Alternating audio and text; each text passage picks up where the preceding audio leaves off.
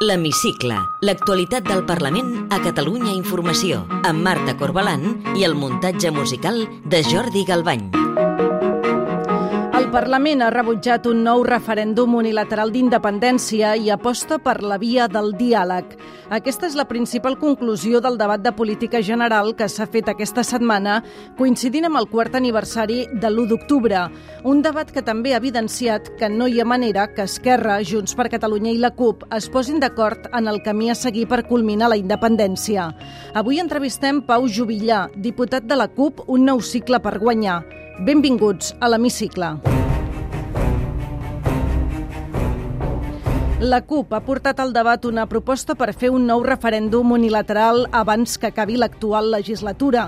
Els socis de govern, però, no ho han avalat perquè defensen que només un referèndum acordat amb l'estat espanyol pot substituir el mandat polític de l'1 d'octubre. El diputat copaire, Carles Riera, volia que el president de la Generalitat concretés la data de la nova consulta, però no ha trobat la receptivitat de Pere Aragonès. President, posi data al referèndum no perdi el tren d'Escòcia. Posi-li data i que sigui abans del 2025. L'acord no parlava ni de dates concretes, l'acord era molt clar i l'acord parla de generar les condicions per tenir el referèndum i estem treballant. El rebuig a la proposta de la CUP podria allunyar el partit anticapitalista com a possible soci del govern per aprovar els pròxims pressupostos de la Generalitat. Davant d'això, el cap de l'oposició, el socialista Salvador Illa, ha tornat a estendre la mà a Pere Aragonès per pactar els comptes. El seu govern no està a l'alçada. I reitero, malgrat tot, la nostra predisposició i la del meu grup a ajudar a canviar de rumb. Vaig oferir a l'inici d'aquesta legislatura quatre pactes. Des del primer moment, i n'afegeixo un per si no aconsegueixen amb majoria d'investidura aprovar el pressupost perquè estigui vigent el 1 de gener de 2022, sap vostè que ho podem discutir i ho podem parlar amb el meu grup. Més enllà de l'estratègia independentista, el govern també ha votat dividit en altres projectes clau de la legislatura, com l'ampliació fallida de l'aeroport del Prat.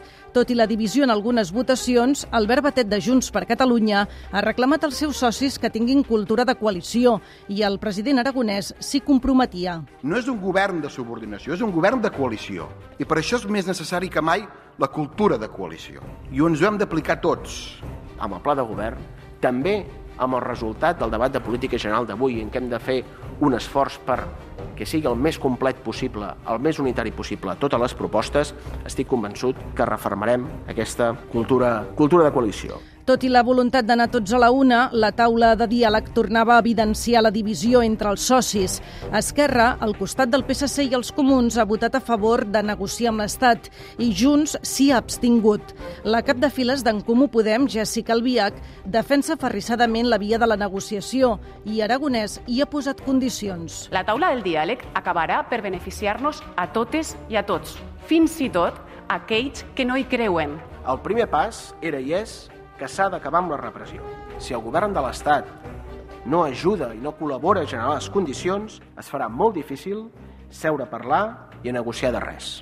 Vox, el Partit Popular i Ciutadans han aprofitat el debat per carregar un cop més contra el projecte independentista del govern i les divergències entre els socis. Sentim els diputats Ignacio Garriga, Alejandro Fernández i Carlos Carrizosa. No tienen otro objeto que prolongar la inestabilidad y la tensión. Ese es su proyecto. Agravar la fractura interna entre catalanes y seguir debilitando a España.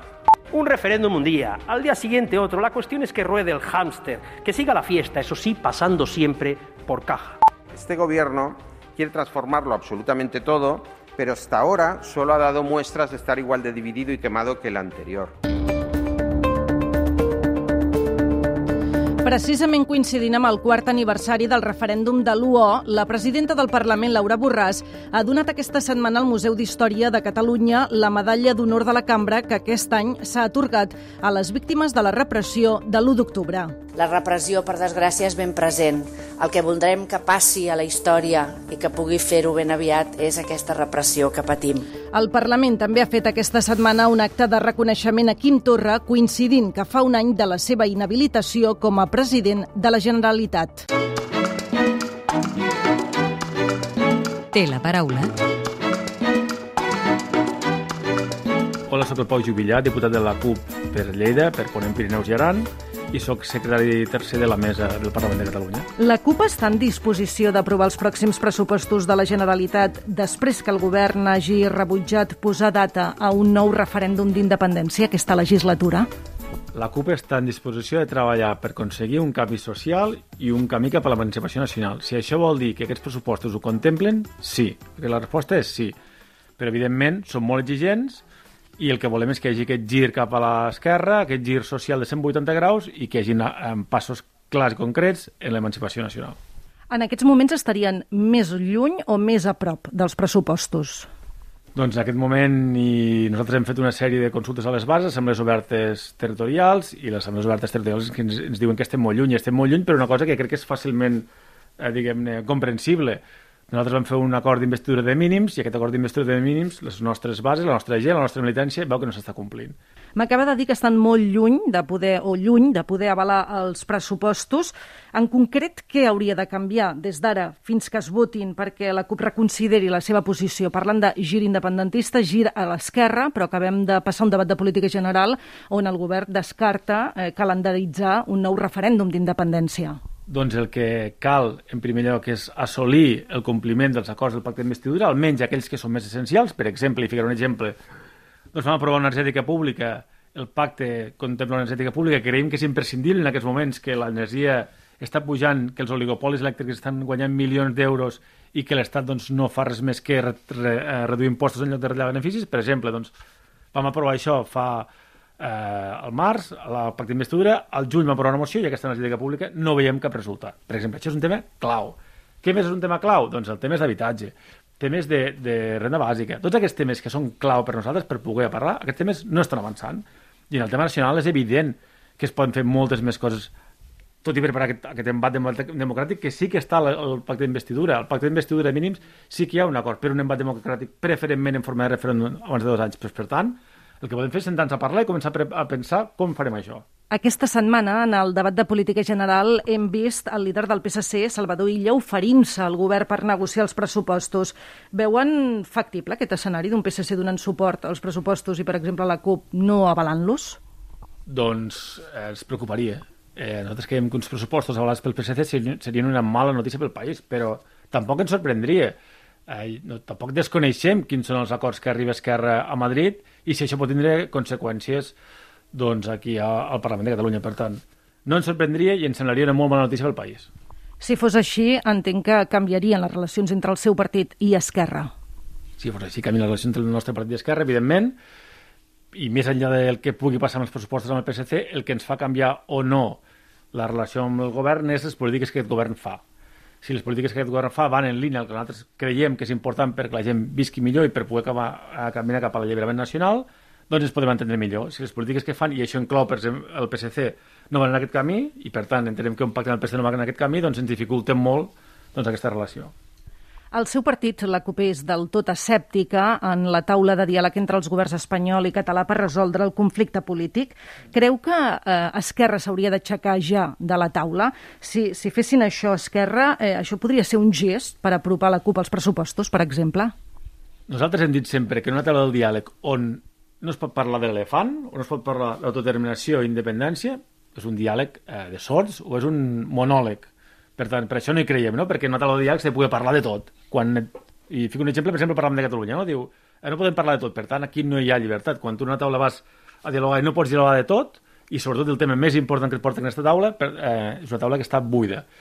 Eh, S'aixequés, home, qualsevol gest que vagi en la consecució de l'alliberament nacional, és un gest que nosaltres eh, veurem de bon grat, de ben segur. Vostè forma part de l'actual mesa del Parlament com a secretari tercer.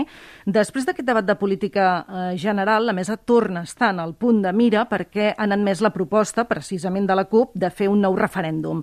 Creu que els membres de la mesa independentistes podrien acabar sent inhabilitats?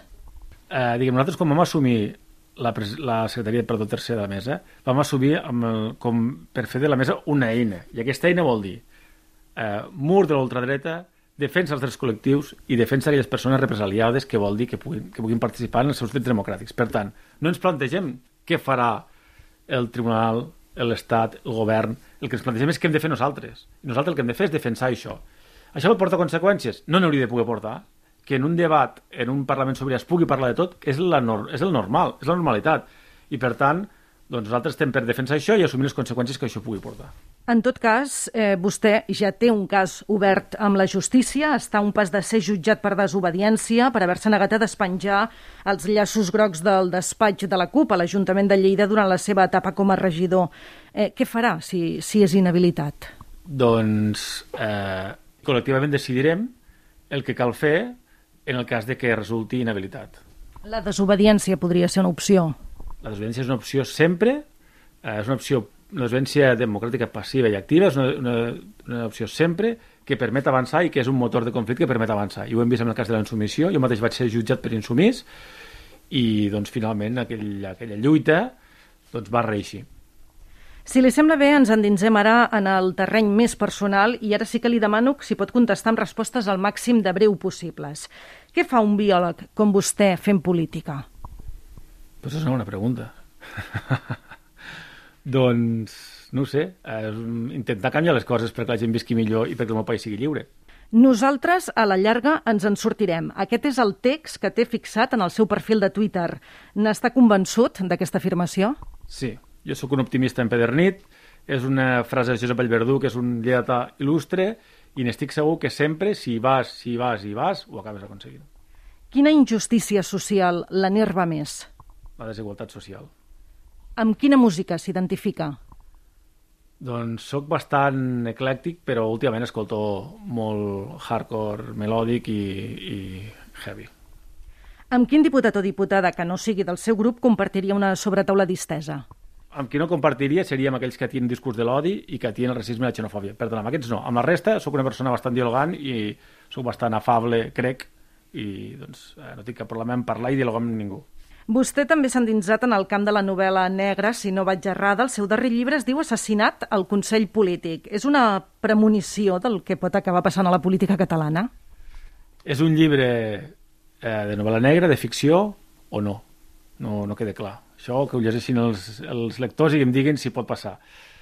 Però sí que és un llibre que sí que descriu una mica la política per dins, almenys mm, he intentat que sigui així. I ja per acabar, complete la frase següent. El que més m'agradaria del món és... Ser feliç amb la meva família. Pau Jubillar, diputat de la CUP, un nou cicle per guanyar. Gràcies per atendre'ns a l'hemicicle de Catalunya Informació. Moltes gràcies a vosaltres.